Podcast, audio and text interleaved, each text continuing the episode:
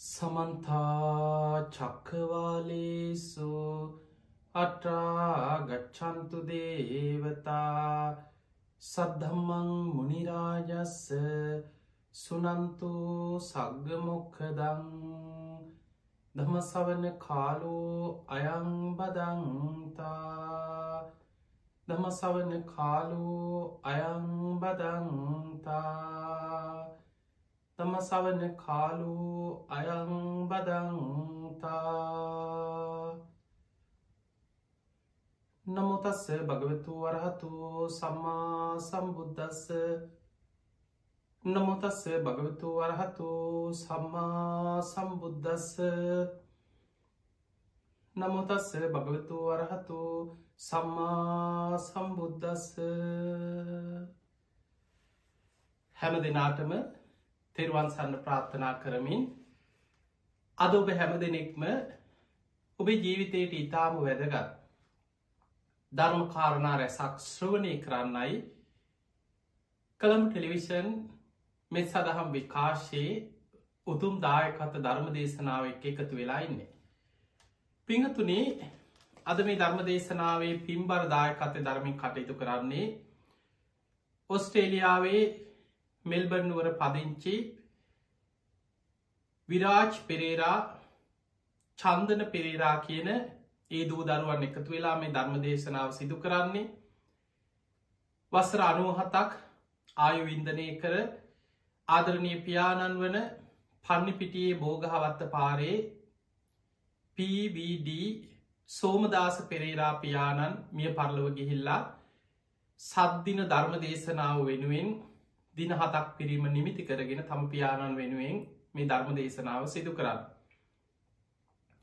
ඒ වගේම වසර විසිතුනකට පෙර වියෝ වූ ආදරණය මෑණියන් අනුලා බටුවන්ගල මෑණියන්ට පින් අනුමෝදන් කිරීම වසර හතරකට පෙර වියෝ වූ ආදරණීය සොහයුරා සේනානි පෙරේරා මහතාටත් පවුලේ මියගේ සේලූම ඥාතීන්ට පින් අනුමෝදන් කිරීම අරමුණු කරගෙනයි අද මේ ධර්මදානමය පින්කම සිදු කරන්න.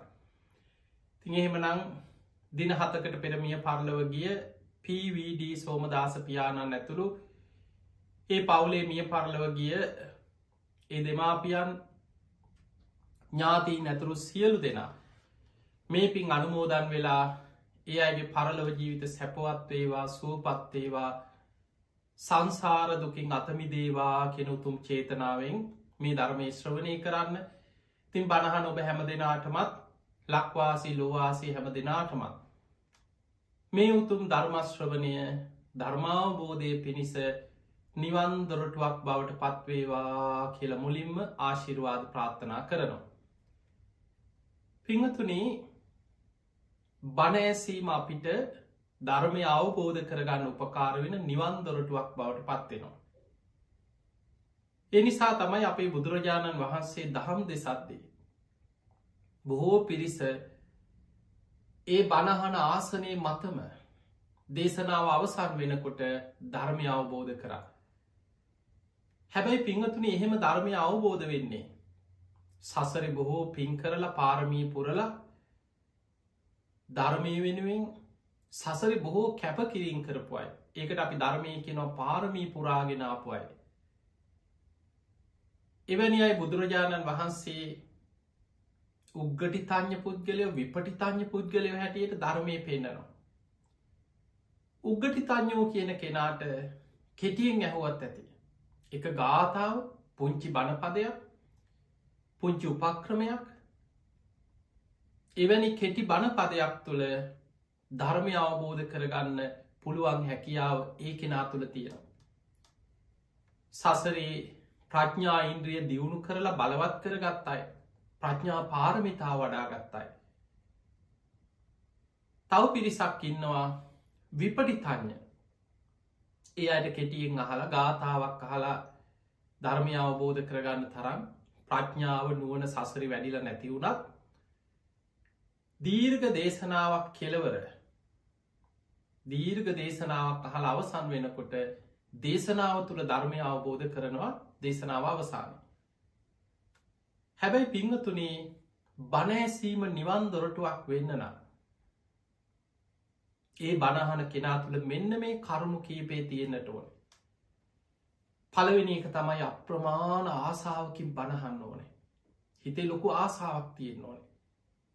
හනේ බණපදයක් අහන්න ලැබෙන්නේ කොච්චර කාලෙකින්ද කල්ප සිය ගණනකින්. බුද්ධ කියන වචනය පවා ලෝකෙ දුර්ලබයි.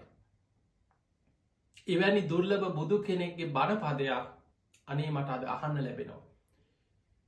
කල්්‍යයාන මිත්‍රයන් වහන්සේ නමකකින් හරි ඒ උතුම් බුදු බණ පදයක්න මම මේ අහන්නේ. අනේ සාදු අනේ සාදු කියල අප්‍රමාණ සද්ධාවකින් බණහන්න හිත පිහිටවාගෙන බණහන්නට ඕන. දෙවනි කාරණය තමයි සෝතන් ඕදහති. හොඳට කන්න යොමු කරගෙන. මුළු දේශනාව පුරාම හොඳ අවධානයෙන් බණහන්න දක්ෂවේ. දේශනාව පුරාම අවධානෙන් බණහන්. ඒක ඉතාම වැදගත්. පිංහතුනි බණහනකොට බාහිර දේවල්ලට හිත යනවා එක තම හිතේ ස්භාවේ. දූරංගමං ඒක චරක් හිතට දුර ඇත ගමන් තියෙනවා. මේ බණහන ඔබ අපිහිත මොබ ලංකාවීදගෙන මේ බණහන්න කියලා. සැනින් හිත විදේශගතව ඉන්න ඥාතියෙක් ගැන මතක් කෙනවා. සමහර වෙලාවට අතීත වෙච්ච දේවල් අවුරුදු දහය පහලවකට එහා ගිය විනෝද ගමන තනියෙන් හිනා යනවා. සමහරලාවට තරහකාරයෙක් හතුරෙක් ඔබට කරපු යම් කිසි ප්‍රශ්නයක් ඔබට කරපු නොපනාත්කමක් ඒව මතක්කෙනවා. අසවලා මට මෙහෙම කරා මෙහෙම කරා කිය. අනාගත සැලසුම් ගයක් හදාගන්න ඕනේ. අර ඉඩම ඒ ඉඩමනං ටිකක් හොඳයි වගේ දැ මේ හිතෙන් ඉඩම් ගන්න වගේ වල් හදනවා වාහන ගන්න. මේ බණහන අතර තුර හිත කිසිීම වැඩකට නැති මෙවැනි කෙලෙස් සහිත දේවල් ඔස්සේ හිත දුවනවා පංච නීවරණ ඔස්සේ හිත දුවනවා. එහෙම දුවන හිත ධර්මාවබෝධය තුළ පිහිටවා ගන්න නම් ලොකු වීරයක් තියෙනට ඕන. හොඳ සිහියෙන් බණහන්න ඕන. ඒ නිසා බාහිර දේවල්වලට අවධාන යොමු නොකර දේශනාවීම හිත පිහිටවාගෙන බණහන්. ඕහිත සෝතෝ දම්මන් සුනාති. මුළු දේශනායම හිත පිහිටවාගෙන බණහන්න දක්ෂවෙන් සෝතං ඕදහති කන් යොමු කරගෙන බණහන. තුංගනි කාරණය තමයි අධිෂ්ඨානය හිතේ දැඩි අධිෂ්ඨානයක් අවශ්‍යයි. මම මේ ධර්මය කොහොම හරි තේරුම් ගන්න. මේ ධර්මය මං අවබෝධ කරගන්න. මගේ ජීවිතයට මන් ධර්මය ගල්ප ගන්නවා. මං කොහොම හරි මේ හුස්මටි කියන්න කලින් මේ ධර්මය අවබෝධ කරගන්නවා කියලා දැඩි අධිෂ්ඨානයකින් බණහන්. අඥ්ඥාය චිත්තං උපට්ට පේති ධර්මය අවබෝධ කරගන්න අධිෂ්ඨානයෙන් බණහන්න ඕන. තැන් කෙටියෙන් ගත්තොත් කරුණු තුනක් ඔබට කිව්වා. ඔබ බණහනවනං අප්‍රමාණ ආසාාවකින් බණහන්න. හොඳට කන් යොමු කරගෙන දේශනාවම හිත පිහිටවාගෙන බණහන්න මං මේ ධර්මය කොහොම හරි තේරුම් ගන්නවා කියෙන දැඩි අධිෂ්ඨානයකින් බණහන්. හතරවෙනි කාරණය අත්හන් ගන්හාති. අර්ථ ග්‍රහණය කරගන්න. ධර්ම දේශනාව කියවෙන වැදගත් වැදගත් කාරණ මතක තියාගන්න. අපිට මුළු බණම මතක හිටින්නෑ පිංහතුනි අපිට අපේ හිත ඒ තරන් දියුණු මනසක් නෙමේ අපේ සිහිය ඒ තරම් වැඩිල නෑ පැයක බණක් අහල අවසන් වෙනකොට මුළු බණම අකුරක් නෑර වචනයක් නෑර සම්පූර්ණයෙන් අපිට මතක හිටින්නෑ. එහෙම මතක හිටිනයි මේ බුද්ධ ශාසනයටම ආනන්ද හාමුදුරුව ගැන අපි අහලතියෙන. උන්වහන්සේ සති මන්තාන සිහිනුවන ඇති භික්‍ෂූන් වහන්සේලා අතරින් අග්‍රයි. දුතිමන්තාන යමක් ෂණයෙන් වැටහෙන භික්‍ෂූන් වහන්සේලා අතරින් අග්‍රයි. මතක ශක්තිය ඇති භික්‍ෂූන් වහන්සේලා අතරින් අග්‍රයි ධාරණ ශක්තියෙන් අග්‍රයි. බුදුරජාණන් වහන්සේගේ අසූ හාර දහසකයේ මහා ධර්මස්කන්දෙම දරාගෙන හිටි ආනන්ද මහරහතන් වහන්සේ. ආනන්දයන් වහන්සේ. උන්වහන්සේට බුදුරජාණන් වහන්සේ යම් තැන යම් ධර්ම දේශනාවක් කරාද ඒ දේශනාව ඒ විදිහටම මතක පිහිටිය. ඒ වෙනුවෙන් සසරේ කල්ප ලක්ෂයක් පාරමී පුරාගෙන පින්කරගෙන මාව. හැබැයි සාමාන්‍යෙන් අපිට මුළු දේශනා මතක තියාගන්න බැරි වුණා. ඔබ හොඳ අවධානයෙන් නම් බණහන්නේ ඔබට සාරාන්සයක් හිතට ගන්න පුළුවන්. මොකක්ද මේ දේශනාව කියවුණේ. මොනෝද මේ දේශනාව කියවෙච්ච වැදගත් කාරණාටික. අඩුම ගානය ඔබට සාරාංස කරලා අර්ථය ග්‍රහණය කරගන්න පුළුවන්. එනිසා තමයි ධර්මී කියන්නේ අත්තං ගන්හාද අර්ථය ග්‍රහණය කරගන්න. ඊළඟ ඒක අනත්තන් රිංචති. අර්ථය ග්‍රහණය කරනවා වගේමයි අනවශ්‍ය දේවල් හිතෙන් බැහැර කරන්න. හිතේ ස්වභාවේ තමයි හිත දුවන්නේ කිසිම වැඩකට නැති දේවල් ඔස්සේ. බණ අහනකොට නොයෙක් සමහර වෙලාවට දේශනාව තුළ අපි උදාහරණයක් කියන. ඒ උදාහරණය ඔස්සේ හිත දුවනවා. දැමං ඔබට මේක පැහැදිලි කරල දෙන්නම් දැන් අපි හිතමු ඔබ අහල ඇති මේ මනුස්ස ජීවිතයේ දුර්ල බය කියන අපේ බුදු හාමුදුරන්ගේම උපමාව කන කැස්බෑ විය සිදුරෙන් අහස දකිනා වගේ එතකොට මේක ජික්කල කියලා සූට දේශනාවක සඳහන් වෙනවා අනම තක්ක සංයුක්ත මේ දේශනාව එතකොට මේ දේශනාව යන්තන් ඒ වචනය ඇහිච්ච ගමන් ඒ උපමාවෙන් කියවෙන කාරණය තේරුම් ගන්න ඇතුව හිතේ ස්භාවේ තමයි ඒ සමහරුන්ගේ මානසික දුරුවලතා. ඒ අයට ධර්මය අල්ලන්න අමාරුයි. ඒ අය කැස් බෑ වගෙන මු ලොකු කැස් බෑවෙද්ද පුංචියකෙද්ද කොහොමද මේ කැස් බෑ වගේ ඇහැක් පේෙන් නැති වුණේ මොකක් වෙලාද? උපතින් මන්දද? අර වියගහ මොන ජාතියකද මොනලීයෙන්ද හදල තියෙන්නේ? කොහොම දේක පාවෙලාවේ හරියටම කොහොමද වියගහස්සෙන් මේක වෙන්න පුළ? දැම් මේ ඔස්සේ පැටලි පැටලි යනවනං ඒ උපමාවෙන් අපි විස්තර කරලා කියල දෙන දුර්ලභ මනුස්ස ජීවිතය ගැන ඒක තේරුම් ගන්න. පිංහතුනී මනසේ ස්වභාවේ මේ ධර්මය අවබෝධ කරගන්න නං ඔබට තේරෙනව ඇති මානසිකව හිත ගැන. සංසාර පුරුද්දක් තියෙන්න්න ඕනෑ. සසර පුරුද්දක් තියෙන කෙනා තමයි හරියට අර්ථය ග්‍රහණය කරන්න. අනත්තම් රිංචති අනවශ්‍යදය අතහරිම. හරියට අවශ්‍ය තැනින් අල්ලගන්න. අන්න ඒ කාරණා කීපේ දැන් කරුණු පහක් කියල දුන්න.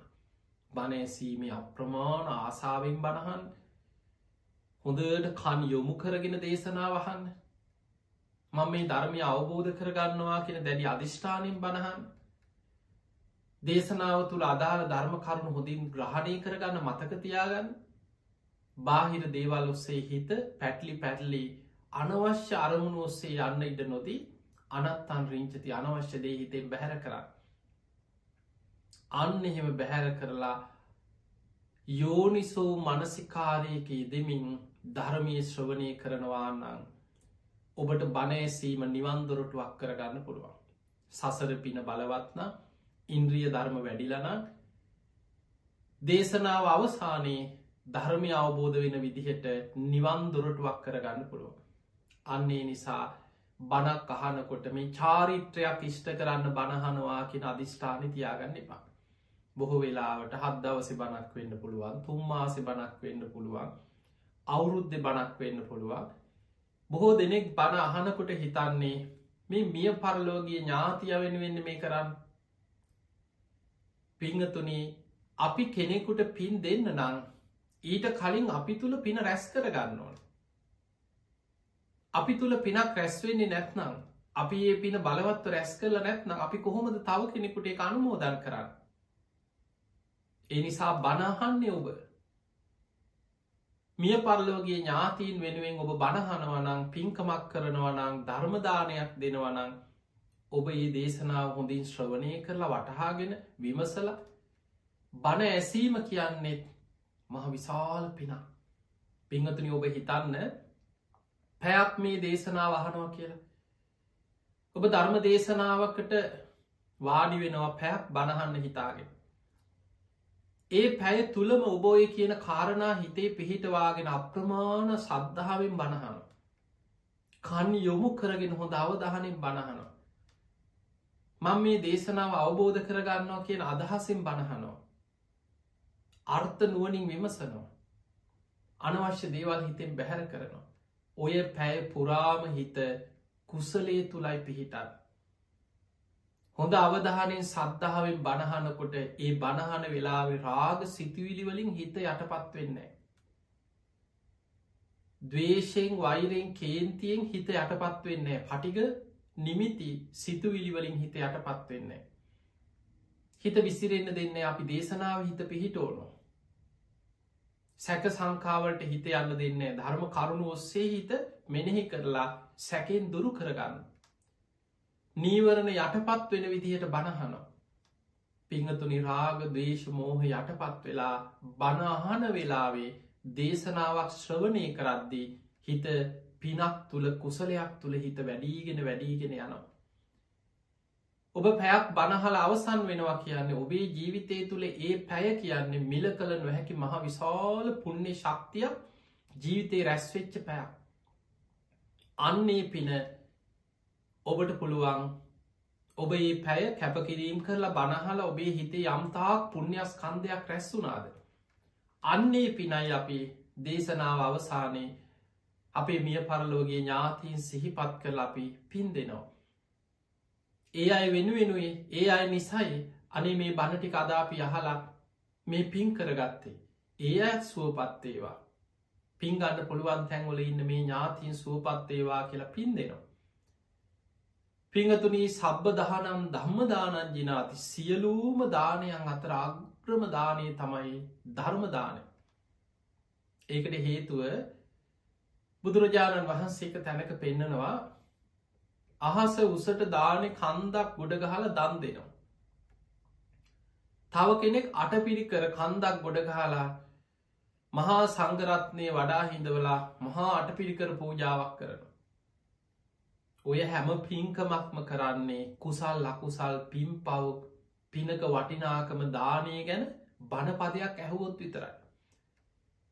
බණපදයක් ඇහුන් නැත්නම් පිනක වටිනාකම දන්නේ නෑ. පිම් පව් කුසල්ල කුසල් හොඳ නරක මේ කිසි දෙයක් දන්න ඇති ලෝකයා කොහොමද දම්පින්කං කරන්න. ඒකන බුද්ධ ශූර්ණය කාලවල මිනිස්සු කොච්චර දරුණුද. මිනිස්සු පිනක වටිනාක මෙලෝ පරලෝ විශ්වාසයක් නෑ පින් පව් දන්නේ නෑ කුසල් අකුසල් අඳුනන්නේ. ඒ නිසා බණපදයක් සතර පද ගාථාවකින් ධර්ම දේශනා කිරීම අහස උසට දාන කන්දක් ගොඩ ගහල දන් දෙනවට වඩා. අහස උසට අටපිරිකර කන්දක් ගොඩ ගහලා මහා පිංකමක් කළ අටපිරිකර පූජාවක් කරනවට වඩා. සතර පද ගාථාවකින් ධර්ම දේශනා කිරීමේ පින බලවත්. ඒක උතුම් කියලා අටුවා ග්‍රන්ථයක බුදුරජාණන් වහන්සේගේ දේශනා ඇසුරෙන් විස්තර වෙනවා. එනිසා පිංහතුනී මේ ලැබිච්ච මනුස්ස ජීවිතය තුළ පුළුවන් තරම් පින් කරගන්න කුසල් වඩාගන්න. අපි දන්නේ නෑ මරණීට වයස බේදයක් නෑ. ළමාවයසේ මවකුසේ කොච්චර මැරෙනවා. මවකුසෝල් ඇතුළෙම කොච්චර මිනිස්සු මැරෙනවද. උපදිනකොට දරුවමී යනවා. සෙල්ලං කර කර ඉන්නකොට දරුව එහෙම සමහලාට එහි මැදගෙන වැටනවා ස්පිතාල්ට ගෙනියනකොට පණ ගිහිල්ලා. රෑට නිදාගත්ත දරුවා උදේ බලන්නකොට ඇඳේ මැරිලා. පුටුවේ ඉන්නවා හිටි ගම පපුුව හිරවෙලා මැරෙනවා. ගමනක් යනවා. බස්ස එක පණ ගිහිල්ලා. මහ පාරේ කොච්චර අනතුරු මැත්තෙද මේ ජීවිතය අපි ගෙවාගෙනයන් ගෙවෙන හැම දවසක්ම. හැම රැයක් දවාලක්ම හැම සතියක් මාසයක්ම. මොන තරං මරණයට තියෙන අවස්ථා පසු කර කර පසු කර කර යන ගමනක්දනේ. එනිසා පිංහතුනේ ජීවිතයට මරණය කියන්නේ ඉක්මවා යන්න පුළුවන් දෙයක් නෙමේ. ඒ කාන්තෙන් ඉපදුනාන්නන් නත්ති ජාතස් හමරණ. නොමැරීන්න පුළුවන් කෙනෙ ලෝකෙ කොහෙවත් නෑ. ලෝතුරා බුදුරජාණන් වහන්සේලා මේ ලෝකෙ පහළ වුණා උන්වහන්සේලත් පිරිනිවන් පෑවා. දෙතිස් මහා පුරුස ලක්ෂණ ඇති සක්විති රජවරු මේ ලෝකෙ පහළ වුණා. මරණයට පත් වුණා. අධිරාජ්‍යවරු ලෝකෙ පුරාම මහා බලය විහිදවාගෙන හිටපු මහා බල සම්පන්න අධිරාජ්‍යවරු රජවරු සිටුවරු දන කුවේරයෝ ඒ හැමෝම මිය පරලෝගිය අතීතය අපි අහල තියෙන රජවරු සිටුවරු අද පොළොව හාරලවත් හොයා ගන්න තැනක් නෑ සමහා රජවරුන්ගේ අඩුම ගාන මාලිගාවක ගඩුලක්කත් හොයාගන්න බැරි තරමට ඒ සියල්ල පොළොවට පස් වෙලා ගිහිල්ලා. තව අවුරුදු සීයකින් හිතන් තැන් අපි දෙදස් විසි එක අන්තිම කාලේ දෙදස් විසි දෙක කියලා හිතම අපිනික දෙදස් විසි දෙක. තව අවුරුදු සීයක් එහාට දෙදස් එකසිය විසි දෙක වගේ වෙනකොට ඔබ මම අපි කවුරුත් අඩුගාන අපි හිටපු තැනකවත් එක ලකුණක්කත් හොයාගන්න බැරි තරමට මේ ලෝකෙ සම්පූර්ණ වෙනස් වෙලා යන්න පුළුවන්. සමහර වෙලාවට මහා දියුණු නගර කාලෙකට කාන්තාර වෙලා යනවා. සමහර රටවල් මුහුදෙන් වැහිලා යන මුහුදට ගිලිලා යන අලුත් දූපත් මතු වෙනවා ගිනි කඳු පොපුරනවා. ස්වභාවික විපත් වියසනවලින් ගම් නගර සම්පූර්ණයම විනාස වෙලා අලු දූවිලි වෙලා යනවා. මේ ලෝකෙ ස්වභාවය අපි ජීවත්වෙන්නේ අපේම මුතුම් මිත්තන්ගේ සොහුම් පිට්ටනයක් උඩ. මේ මගේ ඉඩම මගේ ඉඩම මේක මගේ අපේ කිය කිය හිටියට ඔය ඉඩමෙම අපිම මැරිලගේ වාර අපිම වලලපු වාර අපිම පස්සෙලාගේ වාර කොච්චරනං ඇත්ද මේ සංසාරය මේක තමයි සසරි ස්භාවි දවසක් බුදුරජාණන් වහන්සේගේ කාලේ එක වයසක බමුණෙක් බ්‍රාහ්මණය කල්පනා කරා අපි බොහොම උසස් කුලේ. බමුණු බොහොම මාන්න අධිකයි කුලමාන්නේ ඔහු කල්පනා කර අපි බොහෝම උසස් කුලේ. මං අසවල් බ්‍රාහ්මණ පවුලෙ බමුණේ මේ ඒක මිනිස්සු මේ පව්කාරය වලලපු තැන්වල අපි වගේ උසස් කුලේ අයගේ මෘතදේහයක්කත් මෙහි දං කරන්න සුදුසු නෑ. ඒ නිසා කවුරුත් වලදලපු නැති තැන හොයාගන්න ඕන කියලා මේ වයිසක බමුණ දැන් අන්තිම කාලේ සේවකයෝ ටිකක් එක්ක දැන් ඇවිදගෙන ගිහිල්ලා කන්දක් මුදුනෙ තියෙනවා විශාල වක්ෂයක් විශාල ගහක් අපි ගම අවුරුදු ගණනාවක් පැරණි අවුරුදු සීයක් විතර පරණ ගහක් කියලා හිතම ඔහු මෙහි ගහේ විශාලත්ති දැකලා ගහ පිහිටි තැන දැකලා ඔහු හිතුවා මෙතනනම් කවුරුත් වලදාලා නැතුව ඇති. මේ මහා පරණ අවුරුදු සිය ගානක් පැරණි උක්ෂයක්. පිරිසක් අරගෙන ඇවිල්ලා ගහ කපලා එතන සුද්ධ කරන්න සූදානන් වුණ මුළුත් එක්කම ගලවල තමන් මැරුණට පස්සේ තමන්ගේ මෘත ශරීරයේ එතන ආදාහනය කරන්න මේ කවුරුත් වලදාපු නැති තැනක් කියලා හිතාගෙන. එදා උදෑසන අපේ බුදුරජාණන් වහන්සේ මහා කරුණා සමාපත්තියෙන් ලෝකෙ දිහා බැලුව. කවුද අද දවසේ ධර්මය අවබෝධ කරන පින්වන්තමයි ලෝකෙ කොහෙද ඉන්නේ. අර මාන්නක්කාර බමුණා සසරේ සුවාන් පලේ ලබන්න පින්තිීප්ප කෙනෙ. ඔහුගේ පින මතු වෙලා මාන්නෙන් කෙනෙක් වලදාපුත නැති තැනක් හොයාගෙන ගිහිල්ලා ගහක් කප කප හිටිය සංසාර පින බුදු ඇසට යොමුණ බුදුරජාණන් වහන්සේ මේ කඳු මුදුනට වැඩම කර ඔහු හොයාගෙන එතනට වැඩිය. බුදුරජාණන් වහන්සේ වඩිනවා දැකලා මේ බමුණ බොහෝම ගෞරෝ කරා. මොකද බුදුරජාණන් වහන්සේ සාක්‍ය වන්සික සුද්දෝදන රජතුමාගේ පුට්ටරත්නේ ඒ කාලේ ශස්ත්‍රීය රාජ වන්සේ වනත් උසස් කුලේ සාක්‍ය වන්සිකය ඔබහල ඇති සාක්‍ය වන්සිකය පවා මාන්න අධිකව හිටිය අපි උසස් කියල. බුදුරජාණන් වහන්සේ පවා බුද්ධත්වයට පත්වෙලා සාක්‍ය ජනපදයට වැඩම කරපු ගමනි සාක්‍ය වන්සිකයන්ගේ මානි දුරු කරන්න යමා මහ පෙළහර පෑවා කියල ඔබහල ඇති. සාක්‍ය වන්සිකයෝ ඒ තරම් මානාධික පිරිසක්. ඒ නිසා මේ බමුණා බුදුහාමුදුරන්ට බොහොම ගෞරෝ කරා. ස්වාමීනී භාගතුන් වහස වඩින්න වඩින් බුදුරජාණන් වහන්සේ හන බමුණ මොකද මේ විශාල ගහක් කපන්න පිරිසක් එක් එදකොට මේ බමුණා බොහෝම මාන්‍යෙන් කියනවා උබහන්සේ ඉතින් දන්නවාන අපි ගැන ඔබහන්සේ ඉතින් සාක්‍ය වන්සේ බොහොම උසස්කුලේ කෙනෙක් නේතේ අප ඉති මහා බ්‍රාහ්මණ වහන්සේ උසස්ම බමුණු පරම්පරාවකන දැන් ඉතින් මගේ ජීවිතය අන්තිම කාලෙන මේ යන්නේ ස්වාමීණී භාකතුන් වහන්ස යම් දිනක මං මිය පරලවගියෝ. කවුරුවත් වලදාපු නැති තැනක් මං මේ සුද්ධ කරලා හොයාගත්තා. මගේ ශරීරය ආදාහනය කරන්න මේ වලදාන්න තැන්පත් කරන්න ම හොයාගත්තකිව. බුදුරජාණන් වහන්සේ හනව බමුණ ඔබේ උන්වහන්සේ බුදු ඇසිම් බැලවා. බලලා බුදුරජාණන් වහන්සේමී බමුණට හීන් දාඩිය දාලා යන්න සංසාරයේ මහා කල්පය තුළ අපිට හිතාගන්නවත් බැරි මේ දුර්ලභ මනුස්ස ජීවිතම ලබලා එක පුද්ගලයෙක් ඒ ස්ථානයම කී වතාවක් පොළොවට පස්වෙලා ඇද්ද කියලා බුදුරජාණන් වහන්සේ බුදුවැසින් ගණනය කරලා බුදුහාමුදුරුවක් දේශනා කරනවා බමුණ ඔබ බ්‍රාහ්මණ මහා කුලේම ඉපදිලා. ඔත්තන මේ භූමියම දාසේ දහසකට වඩා වැඩිවාර ගණනක් මෙතනම ඔබේ ශරීර මිහිදන් කරලා තියෙනවාකි. අපිට හිතාගන්නවත් බෑ.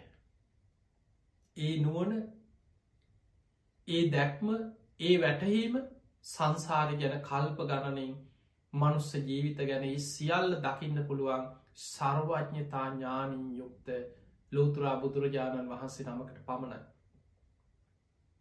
බලන්න සංසාරය හැටි. එදකොට අපිට පේනවා එදා බුදුරජාණන් වහන්සේ බණ කිව්ව ඒ බණහලා ඔහු ධර්මය අවබෝධ කරා. ඔහුට ධර්මාවබෝධය කරන්න පින තිබුණා.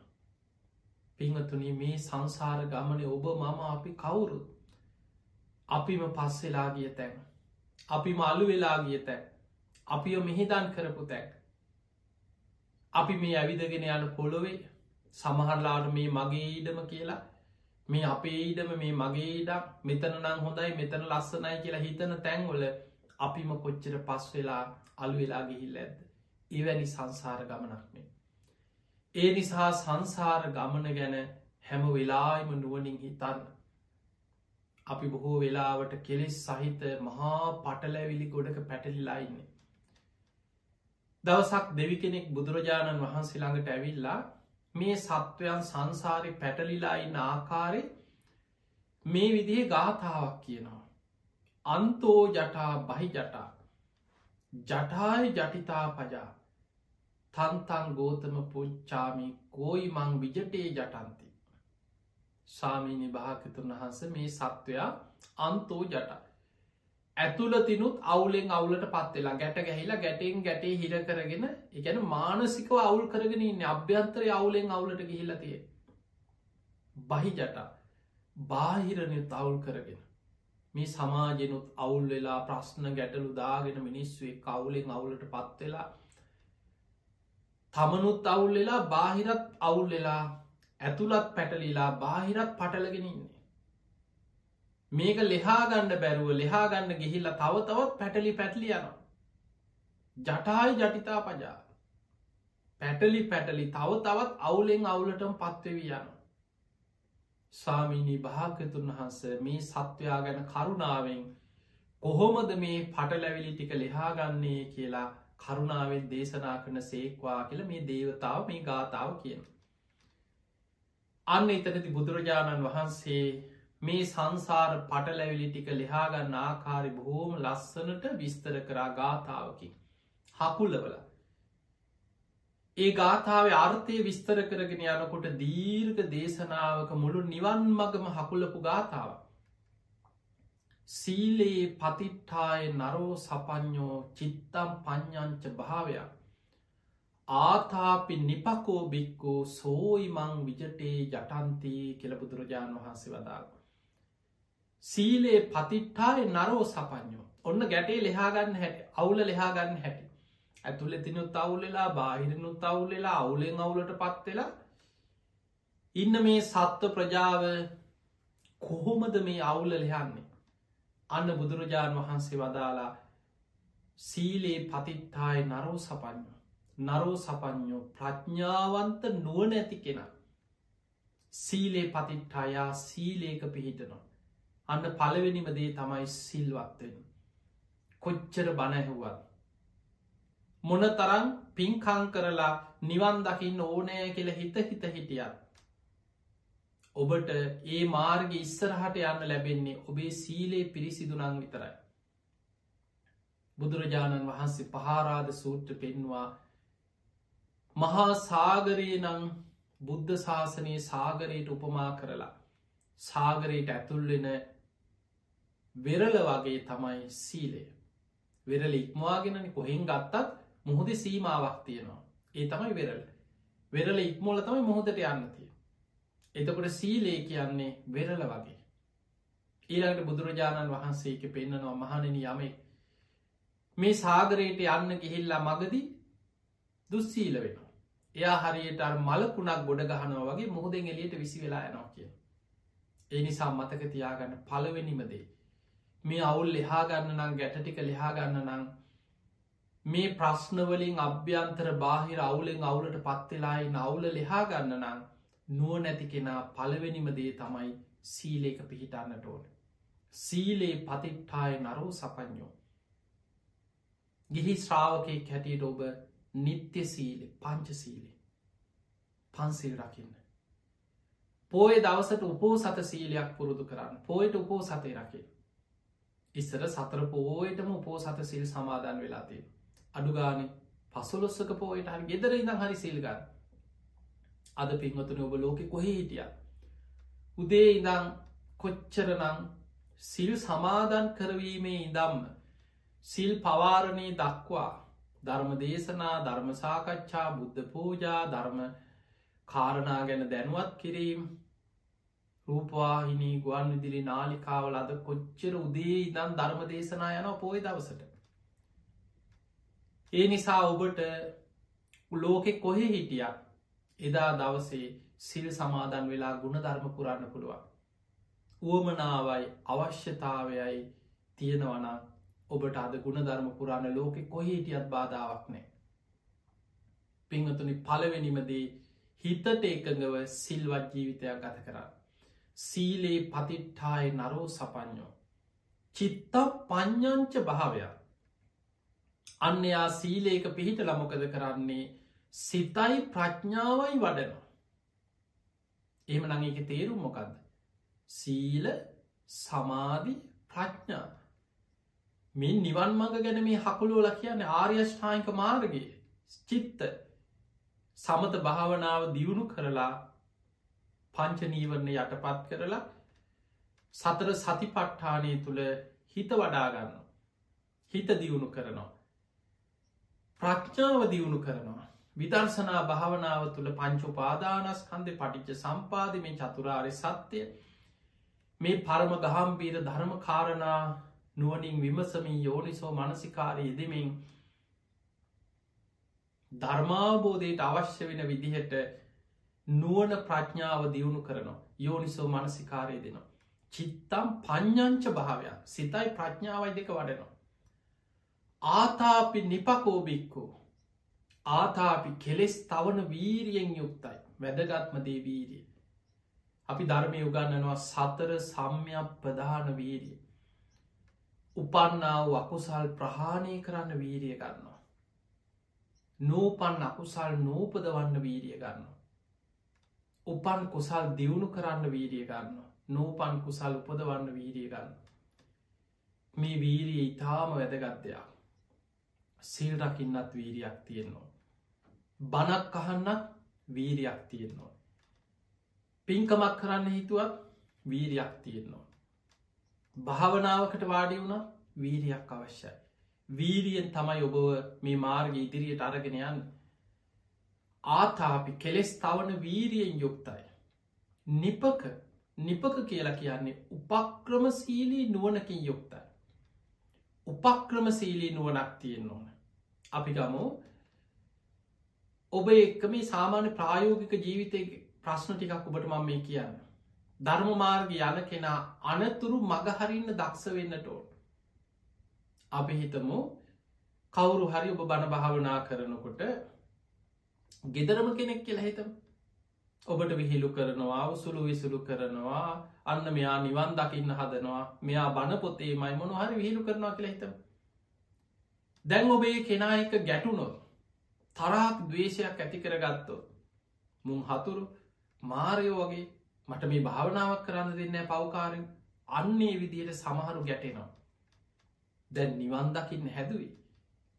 හිත දියුණු කරගන්න හැදුවේ. කෙලෙස් යටපත් කරගන්නයි හැදුවේ. භාවනා කරන්න මොකටද? කෙලෙස් යටපත් කරන්න. ඒ කරගන්න ගිහිල්ලා දැන් කෙලෙස් අවස්සගෙන දඟලනවාද පිංහතුනී නිපක කියන්නේ උපක්‍රමසීලී නුවන ඒ පුද්ගලයාව නුවනින් සල කලා මගහරින්න දක්ෂවේ සමාර වෙලාවට අභහිතම කවුරු හරි ගෙදර කෙනෙක් කිය හිමීට යා මගහරන්න මේ කාටව රඟපාගෙන මේ අනුන්ට පේන භාවනා කරන්න බණහන්න යන්න අවශ්‍යනෑ ඔබ ධර්මය අවබෝධ කර ගැනීම බණහන එක නිවන් මග යනෙක ඔබේ පෞද්ගලික දෙයක්. සංසාරදුකින් නිදහස් වෙන්න උත්සාහකනිම ඔබේ පෞද්ගලිකයි. ඒක ඔබ උත්සාහ කරන්න. එක සමාජයට ලෝකට පෙන්න්න ගියොත් තමයි බොහෝ වෙලාවට සමාජික එක්කෙන නොයෙක් දේවල්. අපි දන්නවා සමහර තරුණ දරු බණහනවා සිල් රකිනවා පින්කං කරනවා. ඒක ළඟඉන්න අයට නෑදෑයන්ට සමාජයයට යාළුවන්ට හරි ප්‍රශ්නයක් ඇයි ඔයා ඔය වයසේ අනි ඔයාට එපා වෙලාද? සසර කලකිල්ලද ඔය වයිසිව්ව කරන්නේ පව්ව මේ වයිසට ගිහින් කරනේවා ඒ කෙනාව කොහොම හරි මාර්ගෙන් ඇදලදාන්න වලක්වන්න ඒක තමයි මේ ලෝකෙ ස්වභාව කෙලෙස් සහිත ලෝකයා හැම වෙලාවෙම ධර්මමාර්ග යන කෙනා සංසාරිට ඇදලදාන්න උත්සා කරන බුද්ධිමත්ව නුවනින් සලකා ඔවුන් එක්ක ගැටීමක් ඇති කරගන්න නැතුව මගහැරීමෙන් ප්‍රහාණය කරගන්න ඔබ දක්ෂ වෙන්නවා. ඒ නිසා බුද්ධිමත්වෙන. කවුරු මොනවා කිව්වත් ඔබට පුළුවන්නන් හිතෙන්ගේ අතහරින් මෛත්‍රය වඩන් අනේ නොදන්නකමටන මේ සසර ගැන ඒ කෙනාට වැටහීමක් නැතිකමට අයෝ එහෙම කියන්න. දන්නවන ඒ කෙනාටත් මේ ධර්මී වැටහිවා. ඒ අයටත් මේ උතුන් ධර්මය අවබෝධ වේවා. අන්න මෛත්‍රී සිත ඒ නිසා පිංහතුනේ කායික්වත් ගැටීමක් ඇති කරගන්න නැතුව. සමහරලාට අපි හිතම් කවුරුවරෙනවා වාද විවාදවලට ගැටුම් ඇතිවෙන දවේශය ඇතිවෙන දෙයක්. කෙනෙක් කෙනෙකුට අවශ්‍යනම් කාරණයක් තේරුම් ගන්න අනි මට ඔය කරන භාවනා ඔයා කියලදෙන් අන්න කරුණාවෙන් කියල දෙනවා. ඔයා ඔය කියවන බණපොතේ තියෙන කරුණක් අනීමට කියල දෙන්න. අන්න නිහතමානීව කෙනෙකුට දැනගන්න අවශ්‍යන ඉගෙන ගන්න අවශ්‍යනං ඒකයි සාමාන්‍ය ස්භාවි හැබැයි අපි ලෝකෙ දකිනවා තර්ක විතාරක වාද විවාද පැටලි පැටලි තමන් හරි කියන දෘෂ්ටිය පිහිටගෙන තමයි වාද විවාදවලටෙන් ඒව මගහැරගන්න මගහැරීමෙන් ප්‍රහාණය කරගන්න. වාදීවාද කරගෙන යනයි සංසාරය පැටලි පැටලියයි ඔබ මේකින් ගැලවිලා යන්න උත්සාහයක් ගන්න. ඒ නිසා නිපක කියන්නේ උපක්‍රමසීලී නුවන අසප්පුරුසිව මගහරින්න. අනතුරු සහිත ස්ථාන මගහරින්. තමන්ට කෙලෙස් බලවත්වෙන නොමග යන පරිසරයවල් ස්ථාන අවස්ථා මගහැරගන්න. කල්්‍යාන මිට්ටුව සත්පුරුසය ඇසුරු කරන්න. උපක්‍රමසීලී නුවනකින් කෙනෙක් එක ගැටුමක් හදාගන්න ඇතු බුද්ධිමත්ත මේ ගමනයන්න ඔබ දක්ෂවෙන්. අන්න එතකොට ඔබට මේ ගැට සියල්ල ලෙහාගෙන නිවන කරා යන පාරහදාගන්න පුළුවන්. බලන්න අපේ බුදුරජාණන් වහන්සේ මහා කරුණාවෙන් පෙන්නල දුන්නා. සීලේ පතිට්ටාය නරෝ සපඥෝ සීලේක පිහිටන නුව නැති ප්‍රඥාවන්ත කෙන චිත්තම් පඥ්ඥංච භාවයක් හිත දියුණු කරගන්න ප්‍රඥාව දියුණු කරනවා. සීල සමාධි ප්‍රඥා වඩනවා. ආතාපි නිපකෝ බික්කෝ ඒකෙනා කෙලෙස් තවන වීරියෙන් උපක්‍රමසීලී නුවනකින් මේ ධර්මමාර්ගයේ දියුණුව කරායනවා. සෝයිමං ඒකෙනා මේ ජටාවල් මේ ගැට මේ ගැට ගැහිච්ච ගැට ගැහිලි ඔක්කොම ලිහාගෙන නිවන කරායනවා. ඒ නිසා අපි කවුරුත් ගැට ගැහිලා ඉන්නේ පැටලිලා ඉන්නේ. දැවේ නො බුදුරජාණන් වහස පෙන්වා එක තැනක එකොලොස් ගින්නකින් දැවි දැවී සත්‍යය අයින්නේ තේරුම් නැති වුණාට. රාගගින්න දවේශගින්න මෝහගින්න ජාති ජරාව්‍යාදි සෝක පරිදේව දුක්ක දෝමනස් උපායාස මහා ගිනි ජාලාවකින් අපි දැවෙනවා දවස ගාඩි හැබැයි අවිද්‍යාව නිසා ඒක තේරෙන්නේ මේ පිච්චෙනවා මේ අඩනවා මේ කෑගහන මේ විලාප දෙනවා ආයිත් සංසාරයට බැදෙනවා ඒක තමයි සසරි භයානක්කම ඒ නිසා මේ භයානක සසර ගමන යථා ස්වභාවය හොඳට නුවනින් දකින්න. නිතර ධර්මය අහන්න. පින්වතුරි ඔබට ප්‍රායෝගික මේ ධර්ම මාර්ගී ගමන් කරන ශ්‍රාවකයකුට ධර්මය ඇතුළට එන කෙනෙකුට අද සමාජ හරිම අමාරු හැම වෙලාම බලන්න ලෝක දිහා බල ඔබම හිතන්න මීට අවුරුදු තිහකට විතරයා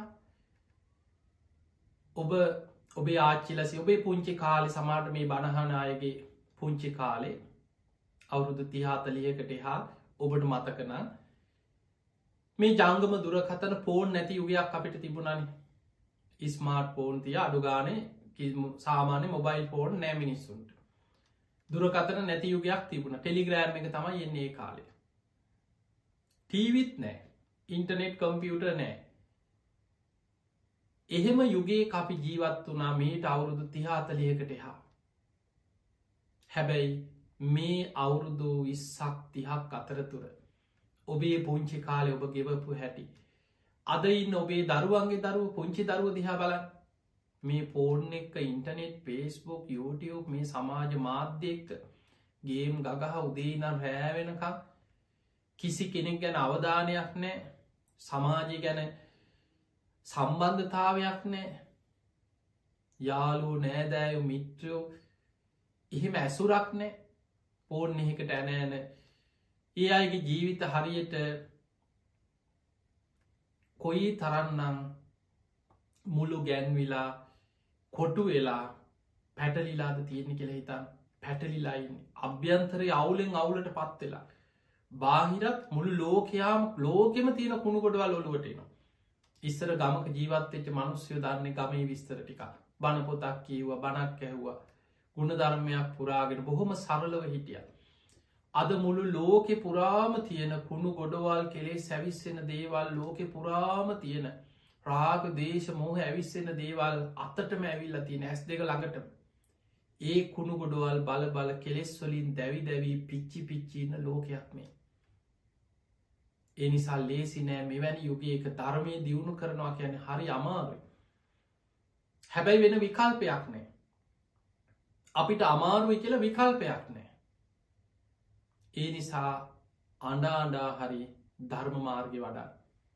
සීලේ පිහිටන් සීලේ පතිට්ටායි නරෝ සපඥ ප්‍රඥාවන්ත කෙනා නුවනැති කෙනා සසර ගමනි බය දකින්න බුද්ධිමත් කෙනා වීරියවන්ත කෙනා කොහොම හරි මොන කරදර බාධා තිබුණත් ධර්මමාර්ගි පැත්තටම හැරෙන. සිය වතාවක් ඇදගෙන වැටුනත් ධර්මය පැත්තට නැකිටින්න. පියවරක් හරි දවසේ ධර්මාවබෝධි පැත්තට ඉස්සරහට යන් අමාරුවෙන් හරි.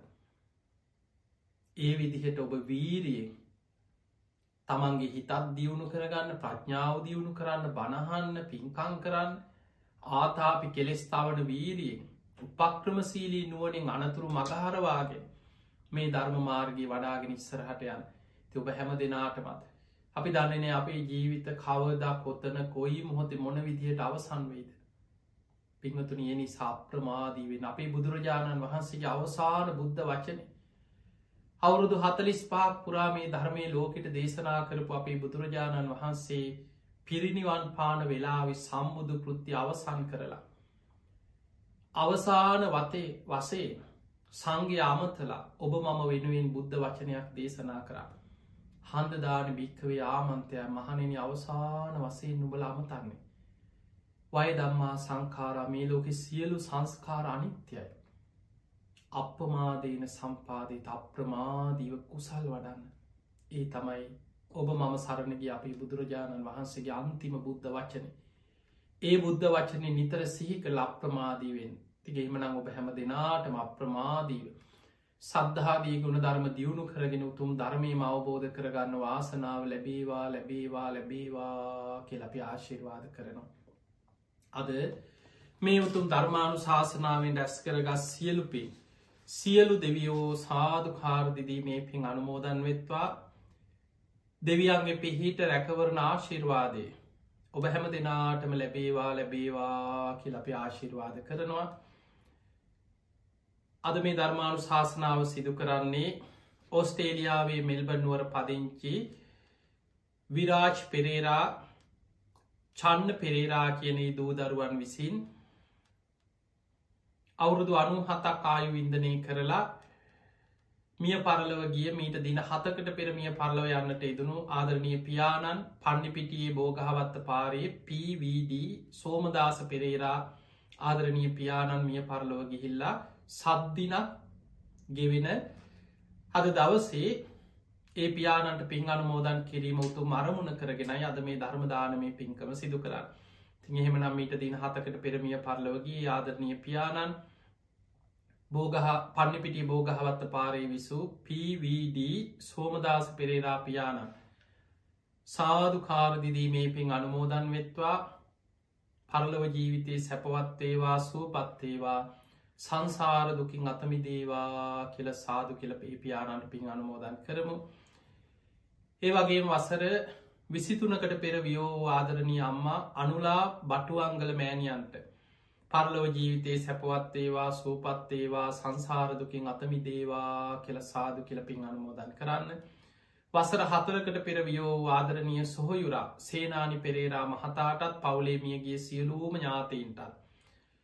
පින් අනුමෝදන් කිරීම ඒ සංසාරගත මියගේ ඒ පවුලි සියලු ඥාතින් බණහප ඔබත් කල්පනා කරන්න ඔබ නමින් මියගේ සියලූම ඥාතියනු සාධු කාරදිදීමේ පින් අනුමෝදන් වෙත්වා එයගේ පරලව ජීවිත සැපුවත් ඒවා සුවපත්තේවා සංසාරදුකින් අතමිදේවා කියල සාදු කියල පින් දෙන්න. තියමනගේ ඔස්ට්‍රේලියාව සිටින ඒදෝ දරුවන් වන විරාජ් පෙරේරා චන්න පෙරේරා කියනේ පින්වත් පිරිස ඒ අයගේ පවුලේ සුජීවත්තයින් නාති හිතමිට්‍රාදි දූදරුවන් පවුල්වල හැම දෙනාමත් බණහපෝබ සියලු දෙනාමත් නිදුක් වේවා නිරෝගි වේවා සුවපත්තේවා සුවපත්තේවා ඔබ හැම දෙනාට මුතුම් ධර්මාවබෝධය පිණිස මේ ධර්මශ්‍රවන මේ පිනත් ධර්මදාන මේ පිනත් ආශිර්වාදයක් වේවා කියලපි ආශිර්වාද කරනවා. ආකා සට්හාච බුම්මට්හා දේවානාගා මහිද්දිකා පුഞ්ඥන්තන් අනුමෝදිත්වා චිරන්රක්කන්තු ලෝක ශාසනං ආකා සට්ටාචිබුම්මට්ටා දේවානාගා මහිද්දිකා පුഞ්ඥන්තන් අනුමෝදිත්වා චිරන්රක්කන්තු දේශනං ආකා සට්ඨාචිබුම්මට්ටා දේවානාගා මහිද්දිකා පුഞ්ඥන්තන් අනුමෝදිත්වා චිරන්රක්කන්තුතුවං සදා හැම දෙනාටම සම්මා සම්බුදු සරණයි.